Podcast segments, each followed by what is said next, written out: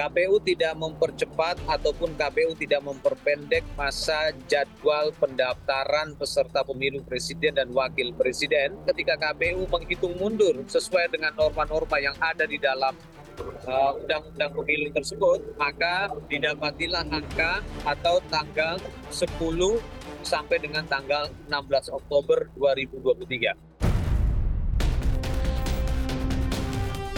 Kalau kalau tidak diajukan justru memper, mempengaruhi tahapan pemilu.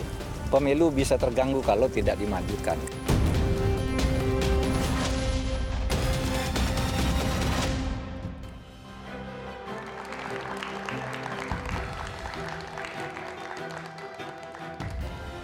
Komisi Pemilihan Umum KPU berencana memajukan masa pendaftaran calon presiden dan calon wakil presiden.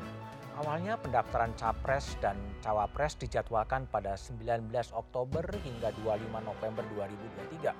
Namun, Komisi Penyelenggara Pemilu ini berencana memajukan masa pendaftaran jadi 10 hingga 16 Oktober 2023. KPU beralasan ini dilakukan agar pemungutan suara Pilpres dan Pemilu Legislatif bisa dilakukan secara bersamaan. Usulan KPU ini menyisakan pertanyaan karena seharusnya KPU bisa membuat aturan tentang pencalonan tak lama setelah Perpu Pemilu disahkan menjadi undang-undang, bukan menjelang tahapan pencalonan. Ada kesan rencana mengubah aturan masa pendaftaran ini dilakukan secara mendadak dan tanpa persiapan yang matang. Benarkah usulan KPU ini murni karena masalah teknis atau jangan-jangan ada motif politik?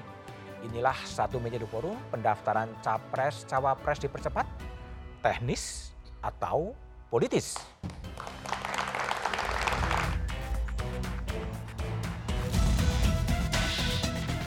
Tanyakan ke KPU aturannya seperti apa.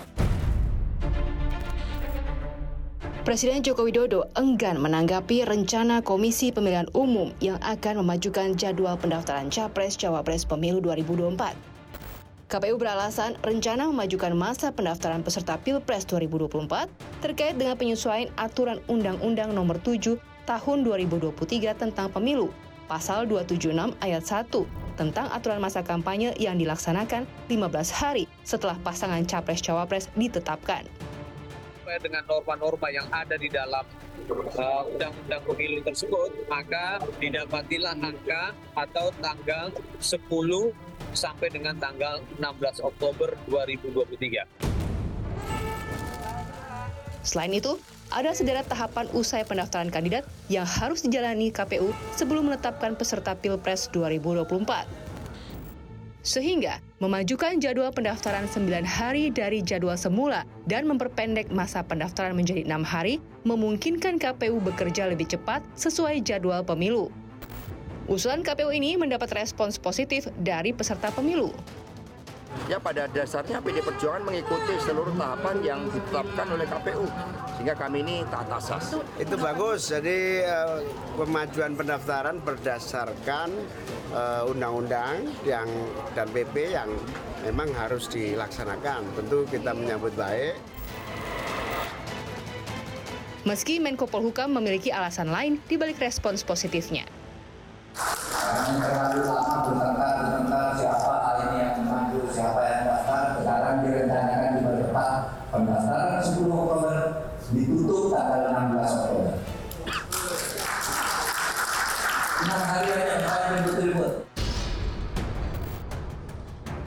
Maka benarkah alasan KPU memajukan masa pendaftaran peserta Pilpres 2024 sekedar perkara teknis menyesuaikan jadwal? Atau justru ada unsur politis di balik usulan memajukan masa pendaftaran peserta Pilpres satu bulan jelang jadwal yang sudah ditentukan?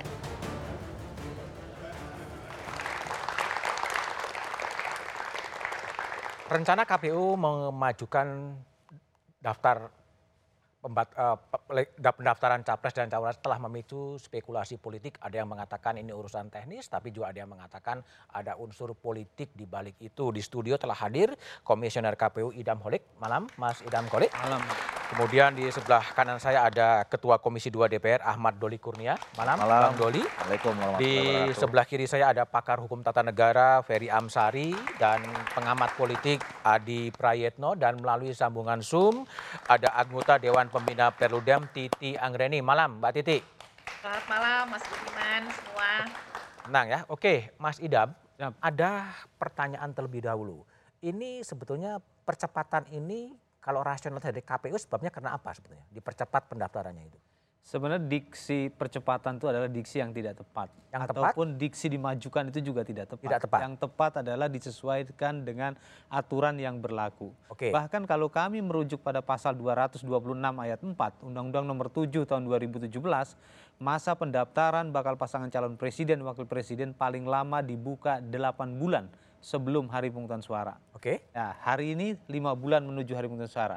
Kalau kami merujuk pada pasal itu apa enggak lebih heboh lagi? Hmm. Tapi tentunya kami dalam menyusun rancangan jadwal ini kami mempertimbangkan efektivitas manajemen tahapan pemilu. Ya, dan kebetulan uh, pasal 276 ayat 1 Undang-Undang Nomor 7 tahun 2017 telah diubah ya menjadi pasal 276 ayat 1 Undang-Undang Nomor 7 tahun 2023 yang di mana 15 hari sebelum masa kampanye dimulai pasangan calon harus sudah ditetapkan. Nah, berangkat dari hal tersebut kami menghitung mundur sesuai dengan norma-norma yang berlaku. Misalkan berapa lama kami harus menyelesaikan verifikasi administrasi, berapa lama kami harus memberikan kesempatan kepada pasangan calon untuk memperbaiki administrasinya, berapa lama pasangan calon kami kami berikan kesempatan untuk melakukan penggantian misalnya kalau terjadi Jadi semata-mata karena undang-undangnya memang mengharuskan KPU Ya. menyesuaikan diri. karena alasan undang-undang, bukan alasan yang lainnya. Bukan alasan yang lain. Nah, itulah kenapa saya tapi, protes. Tapi kenapa baru sekarang kan perpunya atau undang-undang disahkan sejak bulan Maret atau April? Eh, kenapa baru sekarang? Justru kami mempertimbangkan efektivitas tahapan. Oh. Karena masalahnya sebelum-sebelum itu banyak sekali tahapan-tahapan yang harus diselesaikan. Oke. Dan kita tahu bahwa dalam proses penyelesaian sebuah uh, aturan uh, teknis dalam penyelenggaraan pemilu, pasal 75 ayat 4, KPU harus melakukan proses konsultasi. Dan bahkan tidak hanya sampai pada konsultasi pada pembentuk undang-undang, tapi kami juga harus melakukan rapat harmonisasi. Dengan pemerintah juga? Dengan Kementerian Hukum dan HAM. Oke. Sampai di mana sekarang posisi apa PKPU itu? Kami sudah menyelesaikan uji publik pada tanggal 4 September 2023. Yang hasilnya? Yang hasilnya seperti yang kita ketahui hari ini bahwa kami dalam uji publik tersebut mengusulkan rancangan jadwal pendaftaran bakal pasangan calon presiden wakil presiden rencananya kami usulkan untuk dikonsultasikan nanti Pak mulai tanggal 10 sampai dengan tanggal 16 Oktober 2023. Itu baru usulan. Baru usulan. Baru usulan yang akan kami bawa ke dalam forum rapat konsultasi dengan pembentuk undang-undang dalam hal ini DPR dan pemerintah. Oke, baik. Saya ke Mbak Titi Anggraini dari Perludem. Uji publik telah dilakukan dan ada penyesuaian peraturan KPU ini sesuai dengan undang-undang. Perludem sudah mengkritisi atau sudah memberikan pandangannya soal penyesuaian pendaftaran bakal capres ini, Mbak Titi? Ya, terima Ya, terima kasih Mas Budiman. Sebenarnya penyesuaian jadwal itu sudah uh, kita ketahui ketika Perpu terbit Desember 2022. Oke. Karena adanya klausul yang tadi disebut pasal 276 ayat 1, kami memperkirakan dua kemungkinannya. Yang pertama adalah perubahan uh, jangka waktu pencalonan yang Hmm. semula 19 Oktober sampai 25 November apakah dia akan menjadi lebih maju karena ada perubahan jeda antara DCT Pilpres dengan masa kampanye Hmm. yang semula hanya tiga hari berubah menjadi 15 hari. Jadi Hmm. DCT Pilpres harus ditetapkan 15 hari sebelum dimulainya masa kampanye. Oke. Sehingga konsekuensinya dua, pencalonannya lebih maju atau yang kedua masa kampanyenya yang mundur begitu. Tetapi memang KPU ini yang agak di luar dugaan perubahannya itu lama dilakukan. Oh. Karena KPU yang sekarang langgamnya itu agak berbeda Mas Budiman. Hmm. Karena kalau sejak 2004 rincian eh, program dan kegiatan seluruh tahapan pemilu itu dikonsolidasi dalam satu peraturan. Hmm. Jadi kita itu bisa tahu langsung dari awal kapan pendaftaran, kapan verifikasi administrasi, kapan Oke. verifikasi faktual dari sejak peraturan tentang tahapan program dan jadwal dikeluarkan. Tapi Oke. KPU yang sekarang itu memisahkan antara tahapan dan jadwal dengan program. Jadi Oh. program-program itu diatur di dalam peraturan KPU yang mengatur tahapan. Oke. Nah, KPU kebetulan mengatur tahapan pencalonannya itu mepet atau dekat dengan akan dimulainya tahapan pencalonan. Sementara peraturan babonnya yang mengatur tahapan dan jadwal yang umum yang dimulai tanggal 19 Oktober sampai 25 November sampai hari ini belum berubah. Dan kita itu kan selalu menyosialisasikan tahapan kepada publik bahwa pencalonan Pilpres akan dimulai 19 Oktober ke sampai 25 November, Hmm. lalu masa kampanye pada tanggal 28 November, padahal sudah ada undang-undang yang secara teknis akan membawa implikasi pada tahapan yang tadi. Hmm. Nah, ini yang kemudian memang menjadi catatan. Kalau kami sendiri di Perludem sejak lama menyarankan kepada KPU, tahapan itu jangan dibuat gelondongan besar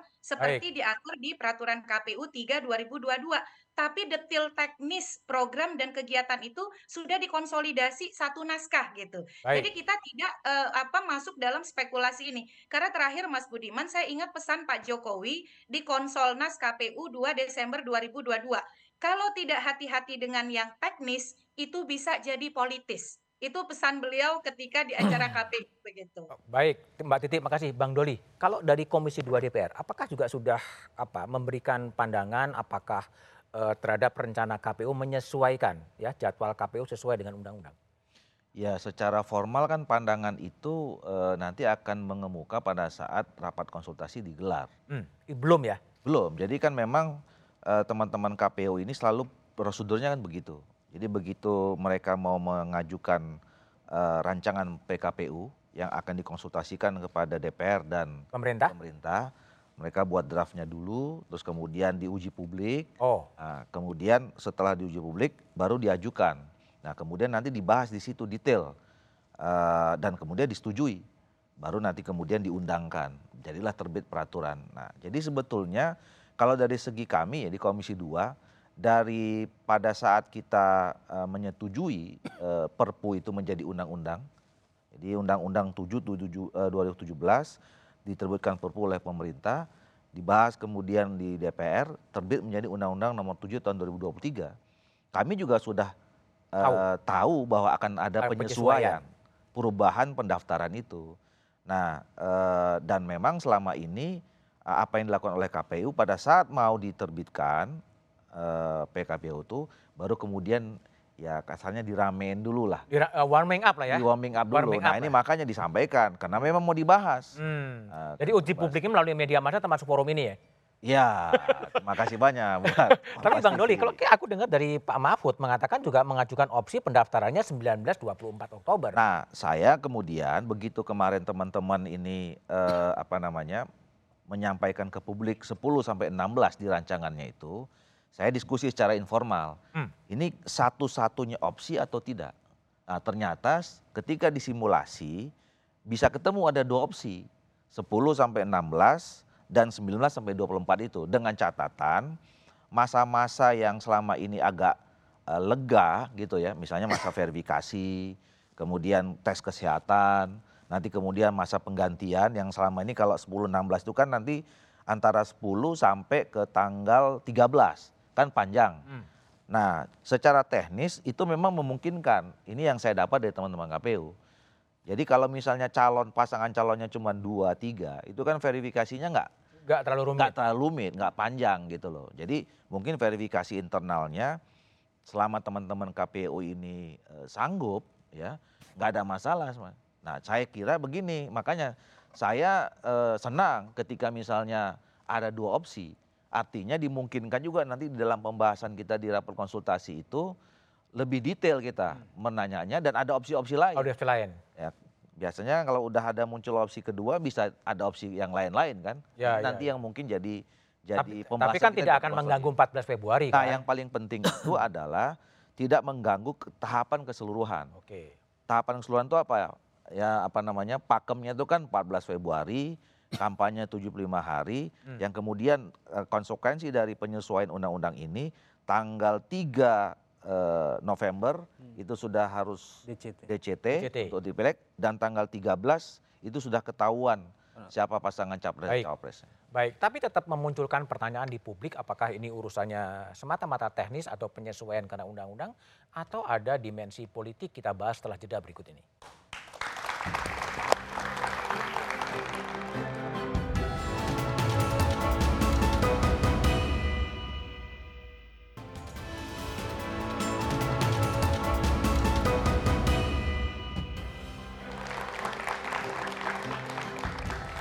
Masih bersama saya Budiman Tanurjo di satu meja dapur Bung Ferry Amsari. Anda lihat ini apa penyesuaian jadwal pendaftaran capres yang disesuaikan dari 19 menjadi 10. Apa yang Anda lihat dari situ? ada satu pemahaman universal lah dalam kepemiluan Mas Budi bahwa pemilu itu harus pasti prosedurnya, tidak pasti hasilnya. Ya. Nah, Tidak jangan pasti kebalik-balik. Jangan kebalik-balik. Nah, jangan prosedurnya tidak pasti tapi hasilnya sudah diketahui kan begitu. ya. Emang gitu? Enggak, ini jangan. Oh jangan. Ya. Oke, oke. Nah, kalau dilihat penjelasan dari eh, Mas Idam tadi ada beberapa hal yang menarik. Satu, publik sebenarnya sudah mengingatkan soal 8 bulan itu kurang lebih eh, pertengahan tahun kemarin Hmm. soal pendaftaran calon presiden. Eh, tapi kemudian dipilih untuk mundur ke Oktober. Hmm. Setelah sampai 19 Oktober dimajukan lagi 10 Oktober. Ini kan memperlihatkan bagaimana orang melihat ada ketidakpastian dalam bersikap. Disesuaikan kan karena ada perintah perpu Ya, tadi. apa pun bahasanya disesuaikan, publik melihat ini maju mundur nih. Maju mundur. Ya, Eh, di pertengahan tahun jadi Oktober, lalu kemudian mau dimajukan beberapa minggu kemudian. Dan soal seperti ini menurut saya bicara soal kegagalan membangun profesionalitas. Bahwa di pasal 3 Undang-Undang 7 2017 tentang pemilu eh, disebut bahwa prinsip penyelenggaraan pemilu itu ada kepastian hukum. Hmm. Nah, mestinya cara berpikir untuk melakukan proses yang pasti juga tergambar dari hukum tersebut. Hmm. Nah, ini kan bingung nih, begitu sudah diundur ke Oktober, lalu mau dimajukan, mau diskusikan lagi, lalu apa ada upaya untuk eh, eh, konsultasi dengan Komisi 2 padahal sifatnya kita ta- ketahui bersama bahwa konsultasi itu tidak wajib begitu berdasarkan KPU putusan mandiri. MK ya. Berdasarkan putusan MK begitu ya.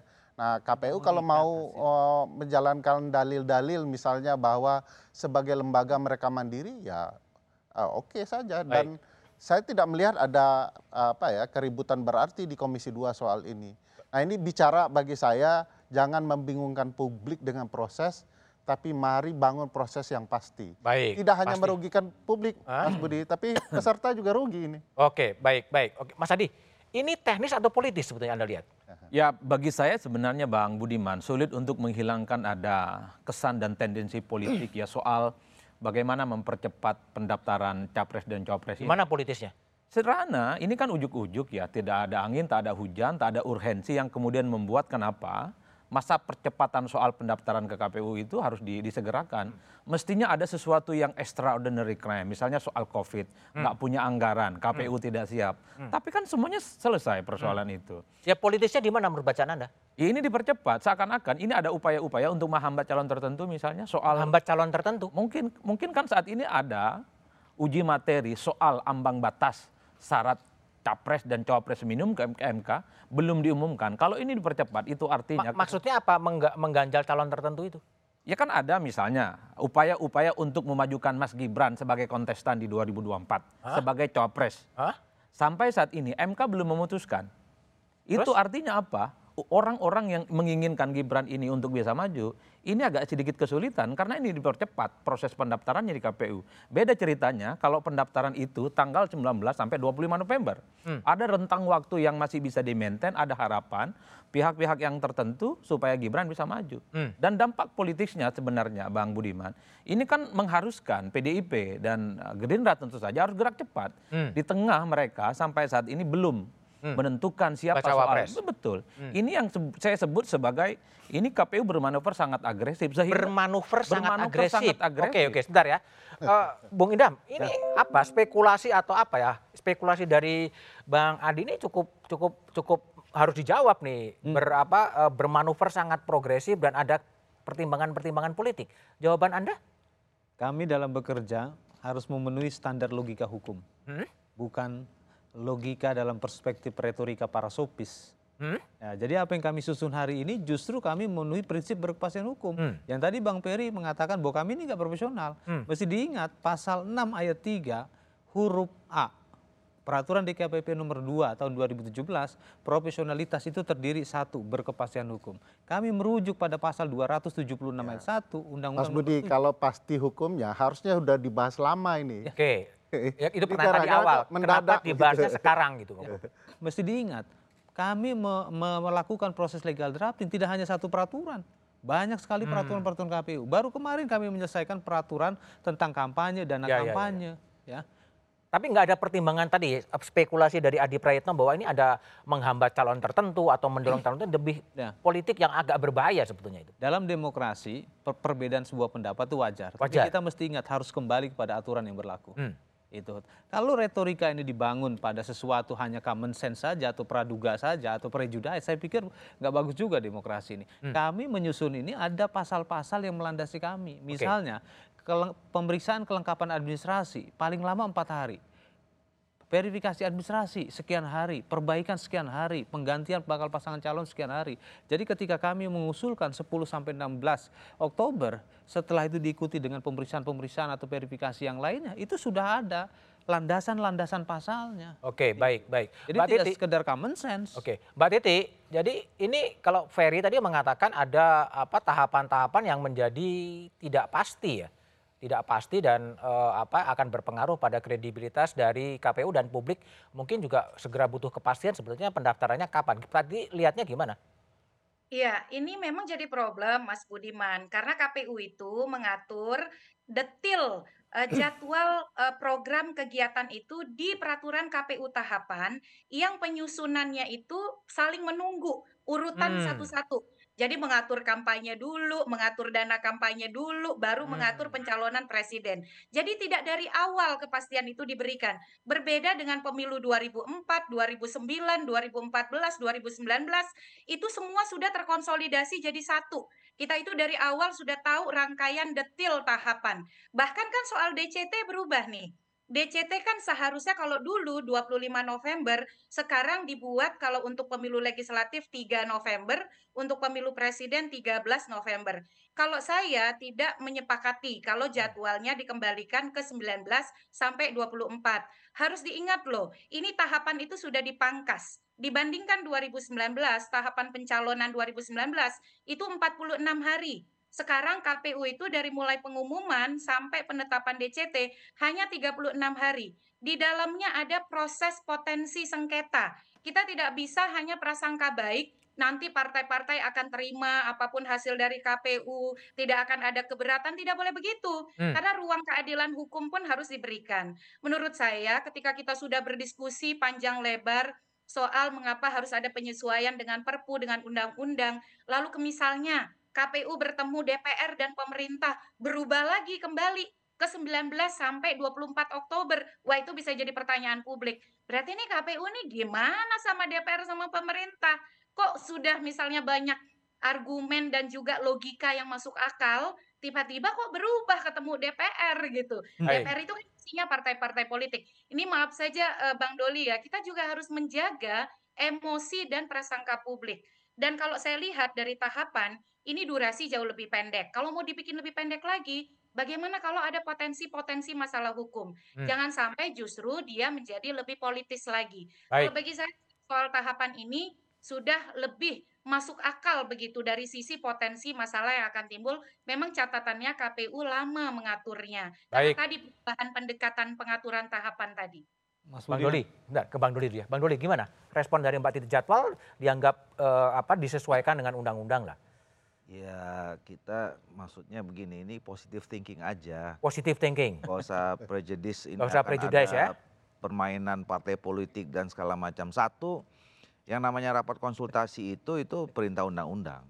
Perintah undang-undang. Ya KPU atau Bawaslu dan DKPP ketika mereka membuat peraturan sendiri masing-masing itu harus dikonsultasikan eh, dengan DPR dan eh, Pemerintah. pemerintah. Memang tidak ada kewajiban Hmm. gitu loh ya. Nah, jadi eh, itu sesuatu yang memang harus dikerjakan. Nah, dan tadi kan saya cuma bilang aja ada 1914 itu itu opsi yang Kedua. eh, muncul, Muncul. bukan kita yang minta Ya. gitu loh. Ya kan kita kan juga harus berpikir bahwa ada tidak alternatif-alternatif lain karena publik kan harus dijelaskan juga. Betul, ya kan? rasionalitasnya. Rasionalitasnya apa. Dan kemudian tadi juga kalau bicara tentang partai politik ya. Nah, partai politik ini sebagai kontestan kan juga sebetulnya punya punya kepentingan ya kan untuk mengetahui apa alasan-alasan eh, apa namanya eh, memajukan dan segala macam itu walaupun kita udah tahu sebenarnya bahwa kan akan ada penyesuaian gitu. Jadi eh, saya kira dan ini ya kalau dibandingkan dengan 2004, 2019, eh, 29, 2004 ini yang membuat berbeda itu kan ketika di tengah-tengah ada perpu terbit. Oh, itu faktor ya. Iya kan? Yang membuat ini berubah yang kenapa sekarang ini kita jadi berdebat kan karena teman-teman di KPU ini menyesuaikan karena ada perpu. Perpu yang datang kemudian tiba-tiba di tengah. tujuh. Nah, kenapa perpu itu ada? Ya karena memang kita situasinya berubah. Waktu itu eh, provinsi kita nambah. Oh, Papua. Papua. Jadi harus disesuaikan semua gitu loh. Oke, oke. Jadi memang publik selalu bertanya-tanya ya, uh, kalaulah kemudian ini berubah-ubah, bagaimana dengan kredibilitas dari lembaga KPU? Saya akan memberikan tanggapan dari Ferry dan jadi Bang Idam untuk menjawab ketika jadwal itu berubah setelah jeda berikut ini.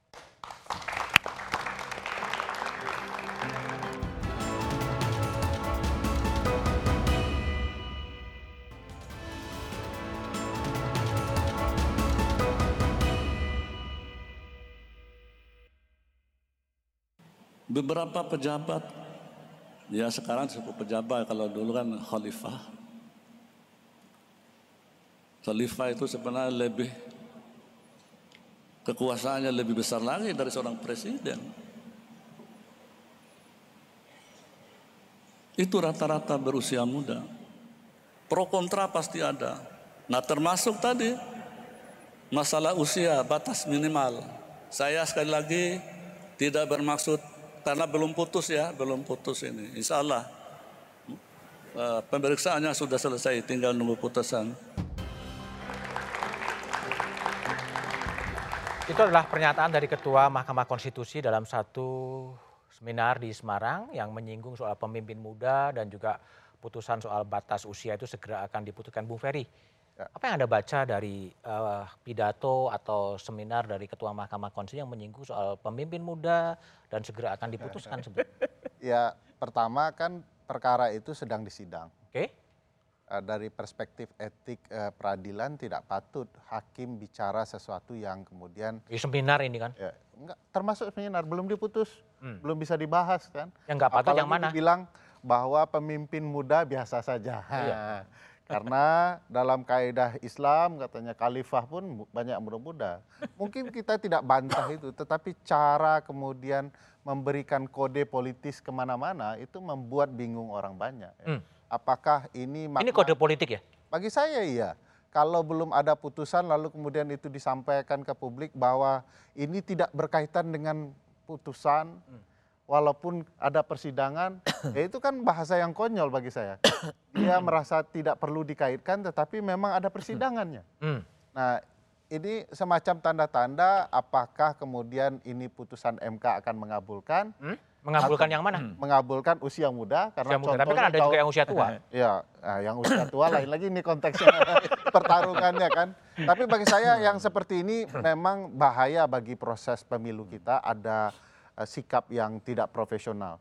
Saya menyebut misalnya KPU tidak profesional juga berkaitan dengan bagaimana harusnya KPU sudah mempersiapkan draft PKPU itu jauh-jauh hari. Baik.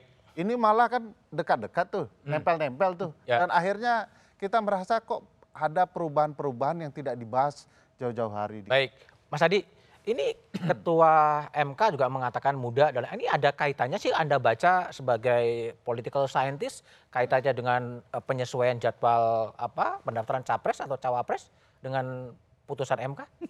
Ya saya kira memang di dunia politik itu tidak ada yang lahir dalam ruang hampa. Oh. Jadi segala apa pun itu pasti ada mutual interesting ya. Jadi misalnya apa? saya membaca Ini kan orkestrasi politik kita menuju 2024 kan penuh dengan ruang-ruang gelap sebenarnya. Yang dirijen siapa? Wallahu alam bisawab. Oh. Mungkin Pak RW, mungkin Pak RT.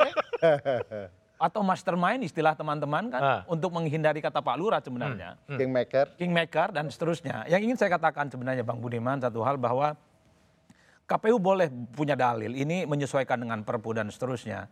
Tapi ingat bahkan KPU sekalipun tidak bisa memastikan pendaftaran itu mau tanggal 19 atau dimajukan tanggal 10. Kan mau dikonsultasikan dulu. Ya betul, itu artinya apa? Kalau KPU saja tidak jelas dengan peraturan-peraturannya, apalagi ruang-ruang gelap politik itu Bang. Kenapa saya sebut tadi ini ada soal politik? Tanggal 1 Oktober Gibran itu genap 36 tahun. Apa kaitannya? Oh iya dong, jelas. Kalau itu dikabulkan, ini tentu dalam tanda kutip, ini memperpendek di mana orkestrasi untuk memajukan Gibran di 2024 agak sedikit Ah. tersudut karena persiapan untuk pendaftaran sangat mepet. Oleh karena itu wajar kalau kemudian ini ada kaitannya, apalagi Pak Ketua MK bicara soal kepemimpinan. Ada kaitannya atau dikait-kaitkan? Di- ada kaitannya, menurut kita logika publik tentu saja. Itulah yang saya sebut bahwa persoalan pemilu di 2024 selain ruang gelap, ini kan sandra politiknya nggak kelar-kelar sampai sekarang. Oleh karena itu. Sandra politik? Iya, sandra politik dalam arti ini kan banyak orkestrasi yang tidak muncul soal ambang batas minimum Hmm. calon capres, kemudian ambang batas maksimal soal capres, tentang koalisi yang juga itu tidak jelas sampai saat ini. Seakan-akan tarikan nafasnya ini soal bagaimana mempercepat atau kembali kepada tanggal 19 sampai 25 November tentang pencapresan itu. Oleh karena itu bagi saya memang KPU harus bilang mengatakan bahwa ini bukan kecelakaan, bukan ada orkestrasi, bahwa ini murni penyesuaian. Baik. Itu yang sebenarnya untuk menghilangkan distrust publik. Karena KPU ini kan misalnya belakangan tiba-tiba muncul supaya pilkada dimajukan. Coba bisa bayangkan. Siapa yang kemudian tidak ini ada kaitannya dengan politik, Bang? Baik. Bu Sidam silakan direspon agar kemudian tidak terkesan ada unsur politiknya. Gimana meyakinkan dalam publik? merancang tahapan atau dalam melakukan proses legal drafting di setiap PKPU itu tidak berpikir politis. Tidak Kami berpikir politik. Ini pelaksana undang-undang pemilu. Hmm. Kalau kami dikatakan atau di-labeling oleh Bang Ferry bahwa kami tidak profesional, itu udah hal biasa bagi kami. Hmm. Tapi perkataan beliau berbeda dengan aturan di KPP menyatakan ketika seorang penyelenggara itu uh, profesional atau tidak. Hmm. Indikatornya adalah berkepastian hukum. Dan hari ini ketika kami menyusun aturan-aturan itu, semua memiliki landasan hukum dan itu berbeda dengan retorika Bang Ferry yang nggak ada landasan hukum. Begini, Hmm. begini Mas Budi, saya mau bantah. Kalau KPU itu belajar filsafat hukum dan dikaitkan dengan kepastian hukum, maka tujuan adanya kepastian hukum itu agar upaya penyimpangan dalam dunia politik itu bisa dihindari. Bayangkan bagaimana bisa menyebutkan kepastian hukum kalau tanggal saja masih diperdebatkan menjelang proses pemilu. Hmm. Masih kemudian ditanya tahapan pilihan satu, pilihan dua. Hmm. Ini kepastian hukum macam apa? Oke. Belajar filsafat di mana? begitu. Oke, baik. Bu- Bung Idam silakan. Dalam Ini proses legal drafting, Mas, itu ada yang namanya proses deliberatif. Apa buktinya? Kami mengadakan uji enggak, tadi proses apakah eh, 10-16 atau 19-20 akan dikonsultasikan pada pada saat kami melakukan uji publik, rancangan yang kami sampaikan kepada para peserta uji publik dalam lampiran satu itu kami usulkan 10 sampai dengan 16. 16 Oktober. Oke. Itu baru usulan. baru usulan. Baru Nah, usulan siapa yang akan memutuskan nanti sebetulnya? Dan ada beberapa proses yang harus kami lampaui. Ini proses politik atau proses hukum? Proses teknokratis. Bukan teknokratis. proses teknokratis politis. Tidak ada unsur politik. Tidak ada. Tidak ada. Kami bisa jamin ini. Eh, itu akan selesai kapan? Dalam waktu yang tidak lama. Minggu depan selesai? Agar publik mendapatkan kepastian? Yang jelas dalam kami proses melakukan legal drafting itu tidak hanya kami sendiri, tapi kami harus menempuh apa yang dikatakan oleh undang-undang. Pasal 75 ayat 4 mengatakan bahwa kami wajib melakukan konsultasi. Wajib melakukan konsultasi. Mbak Titi, ini proses konsultasi di parlemen bersama dengan pemerintah dan Komisi 2 DPR dan KPU, ini proses politis, teknokratis, atau proses apa sebenarnya yang terjadi? Ya, kalau kita refleksikan perjalanan tahapan itu tidak mudah, Mas Budiman. Memutuskan 75 hari kampanye itu saja, itu bukan maunya KPU loh di awalnya. Bukan KPU maunya itu tidak KPU. mau 75 hari. Di awal kepemimpinan Arief Budiman, mengapa tahapan itu lama? Karena tarik-menarik soal masa kampanye. Hmm. 75 hari itu berangkat pertama kali bukan dari maunya KPU, Hmm. tetapi awal digagas oleh pemerintah dan Hmm. kemudian diamini oleh DPR. Nah, dari situ saja wajar kalau eh, kemudian kita menilai bahwa KPU itu mudah sekali berkompromi begitu dengan ke, apa apa yang kemudian menjadi aspirasi pemerintah dan partai politik di parlemen. Ini realitas loh. Dari Ya. tahapan-tahapan yang diatur sampai kemudian kita bisa memutuskan 14 Februari, kalau Mas Budiman ingat itu kan tarik-menariknya juga dengan parlemen dan dengan pemerintah. Nah, soal tahapan ini presiden buruknya adalah ketika KPU Pak Idam sudah meyakinkan publik, ini loh hitungan-hitungannya tanggal 10 sampai tanggal 16, lalu kemudian eh, DCT-nya 13 November, tiba-tiba ada lagi pembicaraan alternatif satu, alternatif dua, KPU-nya berubah lagi. Baik. Waduh gawat tuh. Baik. Itu yang kemudian menurut saya tendensi itu yang harus dihindari. Oke, Mas Idam, tolong dijawab. Dianggap mudah diajak berkompromi untuk menentukan tahapan-tahapan. Itu persep, pers- Persepsi, persepsi Mbak Titi. subjektif Mbak Titi, Hmm. dan itu menjadi ciri khas Mbak Titi dalam menilai kami. Tapi nggak masalah, nggak masalah. Ya, ya, Ini ya. ruang demokratis. Mas- Mas Yang Budi. jelas dalam penyelenggaraan pemilu, di antara sekian banyak prinsip penyelenggaraan pemilu, ada yang namanya efektif dan efisien, dan Hmm. itu menjadi pertimbangan Mahkamah Konstitusi dalam menentukan mengapa harus adanya penyelenggaraan pemilu serentak di Indonesia. Mas, Baik, Mas Budi. sebentar ke Bang Doli. Bang Doli, ini gimana? Agar ketidakpastian ini semakin pasti, semakin pastilah. Membuka ruang pastian banyak cari. Dikaitkan dengan usia, dikaitkan dengan mana. Komisi 2 DPR akan ngambil posisi apa? Saya kira saya harus koreksi itu tadi. Ini kan jadi perdebatan panjang ketika muncul ada alternatif yang disampaikan oleh pemerintah. Hmm. Sebenarnya itu kan eh, pembicaraan informal, ya. Nah, yang sekarang ada di draftnya KPU? KPU, itu 10 sampai 16. 10 16. Udahlah, nggak usah kita bicara yang lain dulu aja. Hmm. Ya, yang masuk itu 10 16. Ya, Oke. ini nanti akan kita dalami, akan kita elaborasi lagi di Komisi 2 gitu. Nah, kalau ada kaitannya soal eh, apa namanya itu ya, politisasi kaitan jadwal ada apa indikasi untuk menjegal Calon tertentu? calon tertentu segala macam ya saya kira terlalu jauh ya. Terlalu jauh. Karena begini, eh, saya nggak tahu. Sebetulnya kan temanya beda ini deh. Soal muda dan tidak muda itu kan tidak dibicarakan soal soal ini ya. Ya dikait-kaitkan oleh Adi Prayetno tadi. Nah ya, jadi saya setuju. Setuju apa? Kalau memang tambah hari ke depan itu memang diberi peluang pada calon-calon yang muda. Oh, Tapi kalau di dalam aturannya, apa namanya, eh, keinginan kita untuk meremajakan kesempatan anak-anak muda, menuntut adanya perubahan peraturan, ya peraturan itu dirubah oleh pembuat oleh pembuat undang-undang, Hmm. gitu loh, ya. Makanya kita harus kaji secara mendalam berapa usianya. Jangan-jangan kalau kita mau mau maju tidak 35, mungkin 25 kan bisa gitu kan. Ini soal Gitu. batas usia calon presiden Nah, ya? Iya, artinya itu harus harus ada dasar akademik yang dikaji secara mendalam, elaborasi, ada konsultasi publik dan macam-macam. gitu. Ya udah seba- sebaliknya dikembalikan kepada DPR dan pemerintah Kalau aja batas usia itu ya. begitu. Tapi memang kemudian kontroversi soal penyesuaian jadwal ini memang akan ada pihak yang diuntungkan, ada pihak yang dirugikan.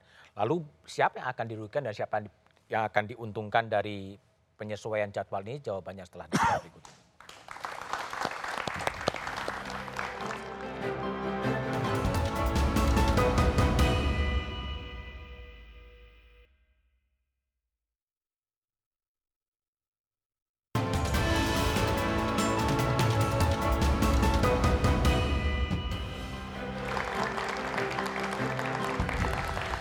Bersama saya Budiman Tanurjo di satu meja dapur Mbak Titi Anggraini. Kalau KPU soal pendaftaran bacal calon presiden tidak ada kepastian, dampaknya apa bagi publik, Mbak?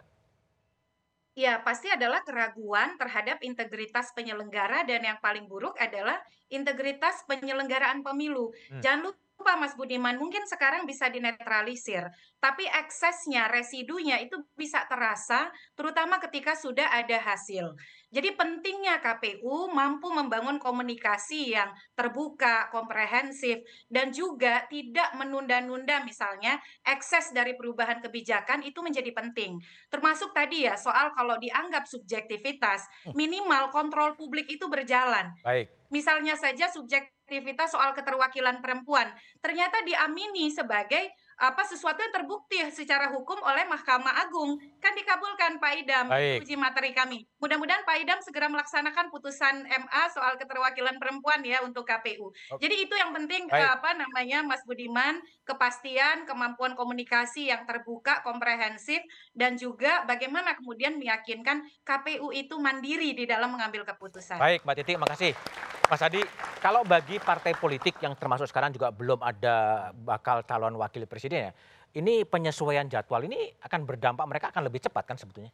Pastinya mereka itu harus gerak cepat, tak ada pilihan lagi. Karena kalau kita hitung dari sekarang sampai pendaftaran tanggal 10 misalnya, itu tidak lebih dari satu bulan. Oleh karena itu, di tengah ketidakpastian soal siapa cawapresnya Ganjar, soal cawapresnya Prabowo Subianto, tentu mereka ini akan berpikir bagaimana memaksimalkan ruang yang eh, cukup sempit ini tentu untuk memenangkan pertarungan bagi mereka kan. Nah yang paling penting sebenarnya, kalau KPU tidak mau disebut ada intervensi politik gampang diacak-acak misalnya, oleh elit-elit tertentu dan kepentingan partai sederhana bahwa pemangkasan ini tujuannya adalah untuk memperpanjang masa kampanye. Jangan 75. Hmm. Jadi sisa waktu yang terpotong itu dihibahkan supaya masa kampanye jangan 75, tapi 85 hari. Syukur kalau lebih dari itu semua. Ini bisa jadi tukar tambah kepada KPU supaya tuduhan-tuduhan politis ruang gelap itu bisa dinetralisir. Tapi tanpa itu semua, saya kira tuduhan-tuduhan ini akan terus mengerucut, Bang. Karena memang sejak awal KPU ini kan seakan-akan main dalam satu tarikan nafas dan orkestrasi dari kepentingan politik tertentu. Orkestrasi kepentingan dia Mas Idam akan jawab. Bung Ferry, jadi ini sebenarnya kalau dikonstitusikan KPU itu kan lembaga yang mandiri ya. Ya. Tapi kan dalam prakteknya kan kemudian harus gotong royong atau bernegosiasi gitu dengan pemerintah dan di Komisi 2 DPR. Ya bahasa Mas Budi lebih halus dari soal diacak-acak itu ya sebagai lembaga independen. Sulit meletakkan posisi KPU sebagai lembaga independen kalau proses pemilihannya amat bergantung dengan peserta pemilu. Baik yang ada di pemerintah maupun yang ada di Ya undang-undang kan memang gitu. Ya harusnya kita melihat harus ada konsep bagaimana mencegah itu. Salah satunya misalnya tidak perlu konsolidasi dengan konsultasi dengan Komisi 2 kalau itu memang adalah kewenangan KPU. Undang-undang kan boleh bilang gitu? Iya, kan tidak wajib. Dipastikan oleh uh, Wajib dan itu. ditegaskan oleh putusan MK. Putusan MK itu sifatnya final and binding. Bagi saya, lucunya KPU itu merasa paling objektif tetapi tidak masuk akal. Misalnya bicara efektif, efisien, bagaimana orang bisa menjalankan proses efektif dan efisien kalau pembahasannya di akhir-akhir. Hmm. Sudah tahu ada lima tahapan pembentukan peraturan perundang-undangan, tapi bahasnya menjelang kemudian tahapan itu dilakukan. Jadi logika tidak sehat KPU ini sebenarnya adalah gambaran dari tidak sehatnya proses penyelenggaraan itu. Baik. Bung Doli, jadi gimana respon Komisi 2 DPR untuk memastikan bahwa semua tahapannya ada kepastian-kepastian tanggal dan tidak mengganggu tahapan-tahapan yang lain menuju 14 Februari? Ya kita berharap KPU segera mengirim surat kepada Komisi 2. Bang belum ya? Belum. Gawat. Dan kami udah memberitahukan dari ya paling enggak seminggu yang Tunggu lalu. objektif dulu. Ya, seminggu yang lalu eh, bahwa segera saja Hmm. supaya memang menjawab semua ini jadi pasti. Hmm. Ya, eh, tidak ada lagi spekulasi pembicaraan yang ini. Nah, buat buat KPU saya kira bagus-bagus saja. Ada Ferry, ada Adi, ada Titik gitu ya supaya memang mereka bekerja dengan baik. Tetapi supaya juga clear eh, apa namanya kita juga selama ini menempatkan ya menempatkan posisi KPU dan teman-teman Komisi 2 yang juga terdiri dari partai-partai itu secara proporsional ya. Kita juga nggak punya keinginan ada mau ngacak-ngacak terus kemudian mau interver- mau intervensi karena kita juga punya punya visi juga untuk membangun Indonesia dengan proses politik Baik, yang lebih baik. eh, demokrasi demokratis yang sehat dan segala macam seperti itu gitu. Nah, mana yang memang kita anggap itu produktif untuk pembangunan politik demokrasi, ya itu yang kita terima, itu yang kita dukung. Kalau Baik. yang tidak ya kita bilang enggak juga gitu. Mas Idam silakan dijawab berbagai prasangka yang mudah diacak-acak, harus Hmm. berkonsultasi dan lain sebagainya. Ya itu kan pikiran mereka sendiri, jalan pikir mereka sendiri yang saya secara pribadi pun sulit mengerti apa yang mereka maksud. ya, karena jelas aturannya sudah jelas. Kayak Bang Peri bilang konsultasi nggak wajib. Pasal 75 ayat 4 Undang-Undang Nomor 7 tahun 2017 jelas eksplisit KPU wajib konsultasi. Itu. Nah, jadi saya bingung dengan cara berpikir Bang Peri ini. Dan yang Cuman jelas KPU tidak sebutkan putusan MK. putusan MK itu menjelaskan bahwa hasil konsultasi tidak bersi- tidak bersifat mengikat, tapi konsultasinya wajib. Nah, di sini dikatakan tidak wajib tadi, tidak harus oleh Bang Doli. Mana ini kok berbeda antara Konsultasi DPR? wajib. Ada undang-undangnya bang, belum diubah sampai sekarang. Oke, tapi Insya Allah saya hafal undang-undang Oke, pemilu. KPU ini akan memutuskan 10, 16 atau 19, 24 atau kembali ke yang lama itu publik akan mendapatkan kepastiannya kapan? Ya, ya, sebelum saya menjawab itu, saya ingin menyampaikan survei Litbang Kompas dari survei ke survei kepercayaan publik terhadap KPU terus menaik. Oke. Ini fakta. Ya. Jadi kalau kalau tadi ada kekhawatiran yang terlalu besar, saya pikir cara berpikir yang mungkin ya pandangan pribadi aja, tapi hmm. publik nggak begitu kok, hmm. ya kan? Hmm. Nah terkait dengan apa yang tadi disampaikan, yang jelas 10 sampai dengan 16 Oktober itu adalah rancangan yang kami sampaikan dalam forum uji publik. Kalau hari ini kami masih membahas pada persoalan jadwal pendaftaran presiden ini, inilah di mana KPU melakukan ekstensi uji publik. Hmm. Itu. Dan yang jelas ada tahapan-tahapan selanjutnya yang harus kami tempuh. Dan itu kapan akan kira-kira publik bisa mendapatkan kepastian kapan pendaftaran bakal calon presiden akan dimulai? Dalam waktu yang segera. Dalam itu saja sudah tidak pasti. Oke, okay, baik. Jawabannya Mas. sangat politis soalnya. Sangat politis. Mestinya hitam putih besok atau lusa kan enak. Oke, okay. baik Mbak Titi, makasih Mas Idam, Bang Doli, Bang Ferry dan Mas Adi Prayitno. Wacana percepatan pendaftaran calon presiden dan wakil presiden telah memicu polemik baru. Komisi Pemilihan Umum perlu segera memberikan penjelasan kepada publik latar belakang wacana tersebut. Wacana itu harus segera diputuskan agar ada kepastian penyelenggaraan pemilu. Perubahan jadwal pemilu bisa berdampak pada kredibilitas dari pemilu itu sendiri. Demikian satu meja The Forum malam ini. Tetap saksikan Kompas TV untuk mengupdate informasi terkini seputar pemilu. Hanya di Kompas TV, independen terpercaya. Sampai jumpa pekan depan, selamat malam dan terima kasih.